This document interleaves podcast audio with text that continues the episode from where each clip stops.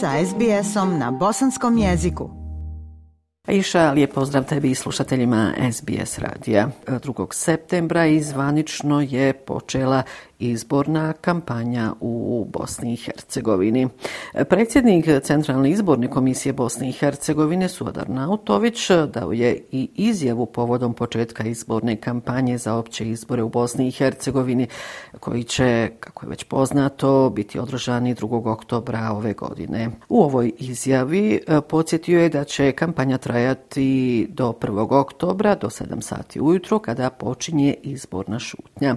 Naglasio je kako će Centralna izborna komisija imati nultu toleranciju za neprihvatljiva i zakonom zabranjena ponašanja u izbornoj kampanji. Posebno je skrenuo pažnju na zabranu korištenja govora mržnje u kampanji. Evo, poslušajte izjavu koju je Suadar Nautović, predsjednik Centralne izborne komisije Bosne i Hercegovine, uputio e, javnosti. Građanke i građani Bosne i Hercegovine, sutra 2. septembra službeno počinje izborna kampanja za opće izbore 2022. godine koji će se održati u nedelju 2. oktobra ove godine. Kampanja će trajati do 1. oktobra do 7 sati ujutru kada počinje izborna šutnja. Izborna kampanja je period u kojem politički subjekti na zakonom utvrđen način upoznaju birače i javnost sa svojim programom i kandidat. Pozivam sve ovjerene političke subjekte da se pridržavaju izbornog zakona Bosne i Hercegovine, da predstave svoje programe, da vode fair kampanju, da ne koriste jezik mržnje ili jezik koji bi mogao izazvati nekoga da koristi silu, da izbjegnu diskriminaciju, pogotovo stereotipe osobama suprotnog spola. Pozivam birače da daju svoj doprinos da kampanja i cijeli izborni proces protekne u demokratskom okruženju, a posebno mlade jer je za budućnost naše države Bosne i Hercegovine važno da mladi budu uključeni u političke procese. Pozivam medije da ravnopravno i fair predstavljaju političke subjekte i informiraju javnost o svim pitanjima u vezi sa izbornom kampanjom i izbornim procesom onako kako je to propisano izbornim zakonom Bosne i Hercegovine. Lokalne vlasti podsjećam da su dužne osigurati ravnopravan tretman političkim subjektima koji su ovjereni za učešće na izborima u njihovim zahtjevima da javna mjesta i javne objekte koriste u svrhu izborne kampanje. Koristim priliku da političke subjekte, kandidate i njihove pristalice, ali i zaposlene i angažirane u izbornoj administraciji podsjetim da nije dozvoljeno lažno predstavljanje u ime bilo kog političkog subjekta, uklanjati, prekrivati prekrivati, uništavati ili mijenjati štampane oglase, postere, plakate ili druge materijale koji se koriste u svrhu izborne kampanje. Nositi i pokazivati oružje na političkim skupovima, piračkim mjestima i njihovoj okolini. Vršiti bilo kakav pritisak na novinare koje bi im otežao obavljanje posla u skladu sa pravilima profesije i izbornim pravilima. Posebno skrećem pažnju na zabranu korištenja govora mržnje u kampanji, kao svakog oblika javnog izražavanja ili govora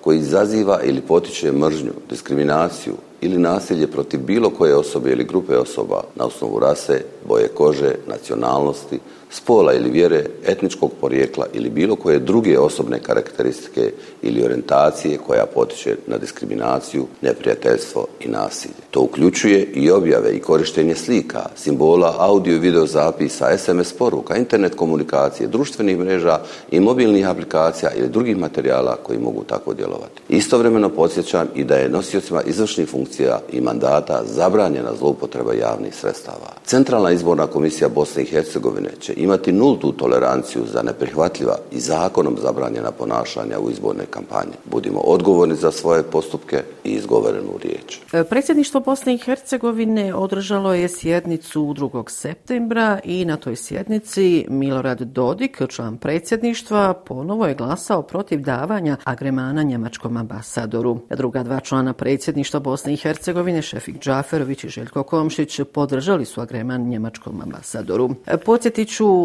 Milorad Dodik je 24. augusta također glasao protiv davanja agremana, te je po proceduri bilo predviđeno ponovno izjašnjavanje ovog e, 2. septembra. Povodom e, sjednice predsjedništva Bosne i Hercegovine, Milorad Dodik je kazao da Njemačka vodi lošu politiku prema Republici Srpskoj. Ako iz Njemačke stiže rezultat rezolucija o ukidanju Republike Srpske i nameće se nelegitimni Kristijan Schmidt, jasno je da Bundestag ima lošu politiku prema nama, a mi ćemo o tom pokušaju okupacije uvijek javno govoriti, kazao je Dodik. E, također je naveo kako e, predstoji u naredna dva, tri dana odluka o tome da li će na agrema njemačkom ambasadoru staviti vitalni nacionalni interes. Ukoliko to ne uradi, odluka o davanju agremana bit će usvojena s obzirom na to da su dva člana glasala za. Nakon što je prvi put odbijen agreman e, njemačkom ambasadoru, a to je bilo 24. augusta, kao što sam rekla,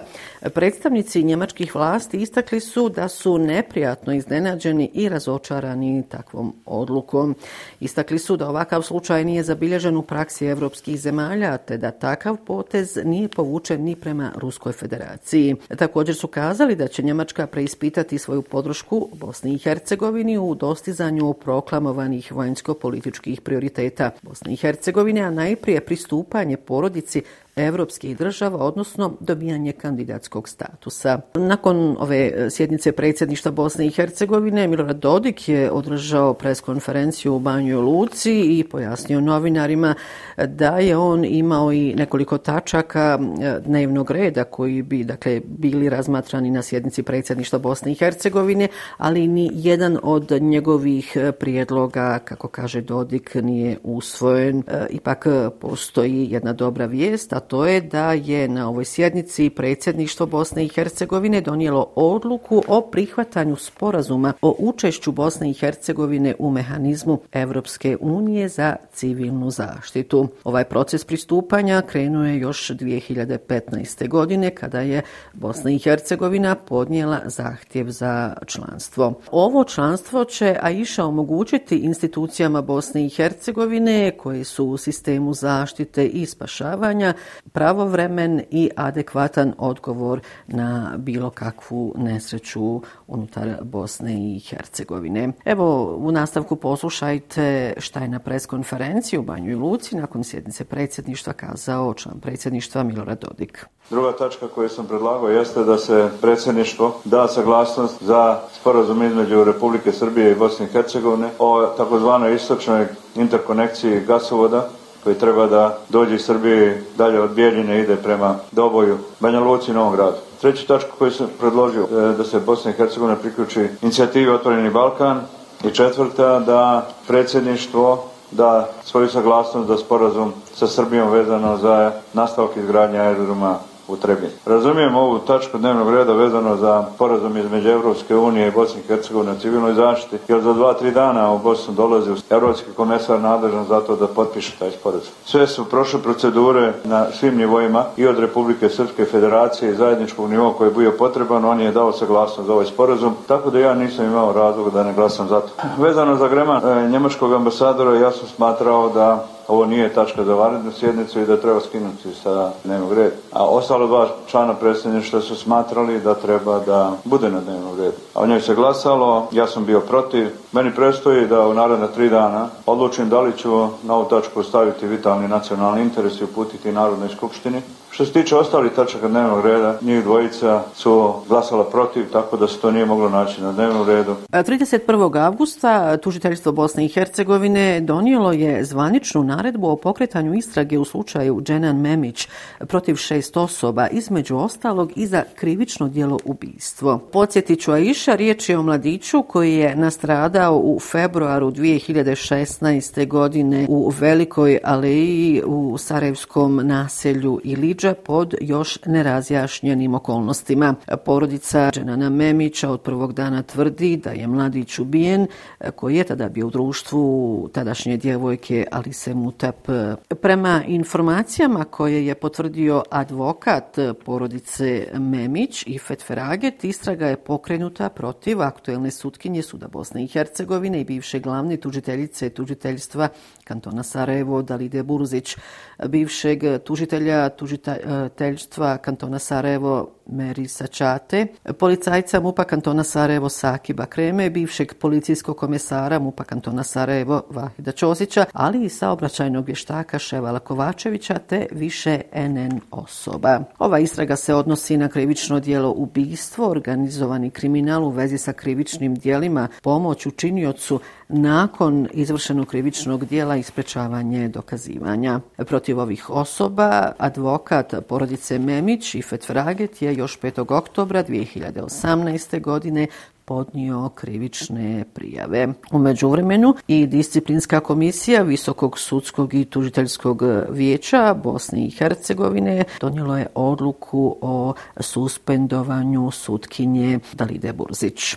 29. augusta održana je sjednica Doma naroda Parlamentarne skupštine Bosne i Hercegovine i delegati su usvojili izmjene zakona o akcizama, ali u različitom tekstu u odnosu na predstavnički dom. To znači da će izmjene zakona morati ići na usaglašavanje i da je ponovo sve na čekanju. Sada je naravno pitanje hoće li akcize uopće biti ukinute. Iako je cilj ukidanja akciza bio da gorivo bude jeftinije do 40 feninga, bosansko-hercegovački građani su ponovo ponovo prevareni i ostavljeni da se sami bore sa inflacijom i sve većim poskupljenjima. Jedina dobra informacija sa sjednice Doma naroda Parlamentarne skupštine Bosne i Hercegovine jeste da je ovaj dom usvojio konačno zakon o izmjenama i dopunama zakona o javnim nabavkama. Ovaj zakon je uvjet za kandidatski status Evropske unije i na njemu već mjesecima insistira Evropska unija kao dio reforme potrebne za eurointegracije. Ovaj zakon između ostalo pod podrazumijeva izuzeća od primjene ovog zakona, imenovanje službenika za javne nabavke, transparentnost na portalu Agencije za javne nabavke, prethodne provjere tržišta, plan nabavki i provođenje elektronskih nabavki. Eto iša toliko ovoga puta iz glavnog grada Bosne i Hercegovine. Još jednom vam lijepe pozdravi iz Sarajeva, šalje Semra Duranović-Koso. Like, share, comment. Pratite SBS Bosnian na Facebooku.